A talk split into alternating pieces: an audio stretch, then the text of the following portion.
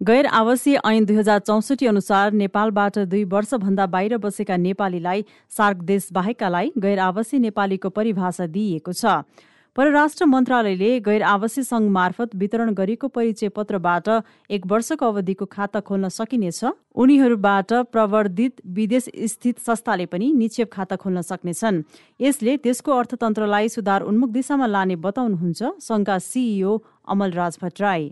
अहिले चाहिने एक वर्ष फिक्स डिपोजिट र निक्षेपमै यो बचत निक्षेपमै खाता खोल्न दिने जुन प्रावधान गरेको छ त्यसले चाहिँ एउटा पोजिटिभ सङ्केत चाहिँ भयो। बाहिरबाट आउने व्यक्तिहरूको चाहिँ नि त्यो भावनात्मक सम्बन्धलाई चाहिँ नि त्यसको रिटर्नलाई मात्रै हेरिँदैन। किनभने गैर नेपालीलाई राजनीतिक अधिकार बाहेक सम्पूर्ण आर्थिक अधिकार दिइने भनेर चाहिँ नि भनिएको छ। विदेशी मुद्रा वृद्धि गर्ने हिसाबले एनआरएनएहरूले सजिलै मुद्रा जम्मा गर्न सक्ने व्यवस्था गरिएको हो।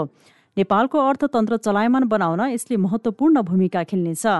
निक्षेप बचत खाता खोल्दा गैर आवासीय नेपालीको परिचय पत्र भएको व्यक्तिले मात्र खाता खोल्न पाउनेछन्। नेपालमा आउँदा सो निक्षेपबाट आएको ब्याज प्रयोग गर्न पाउनेछ। यसरी विदेशबाट प्राप्त हुने मुद्राको सञ्चिति बढ्नाले तरलता केही सहज हुने राष्ट्र ब्याङ्कका प्रवक्ता देवकुमार ढकालको भनाइ छ। एनआरएनहरूले सेभिङ डिपोजिट खोल्न पाउने व्यवस्था थिएन बचत निक्षेप खोल्न पाउने व्यवस्था थिएन। तर अब विदेशी मुद्रामा बचत निक्षेप पनि न्यूनतम पाँच हजार रुपियाँको बचत निक्षेप खोल्न सक्ने व्यवस्था पनि गर्यो र त्यसको रिप्राइटेसनको सहज व्यवस्था पनि गरेको छ। यसको हाम्रो आशा चाहिँ के हो भने विदेशमा बस्नुहुने नेपाली दाजुभाइहरूले नेपालमा चाहिँ खाता खोलेर पैसा जम्मा गरिदिनुहोस् र हामीलाई विदेशी मुद्राको सपोर्ट होस्।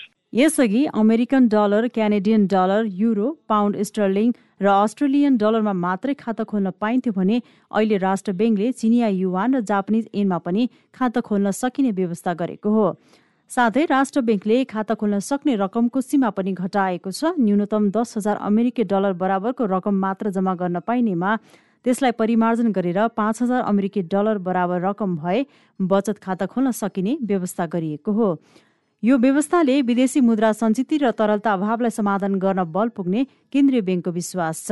रेडियो क्यान्डिडका लागि विद्या तामाङ।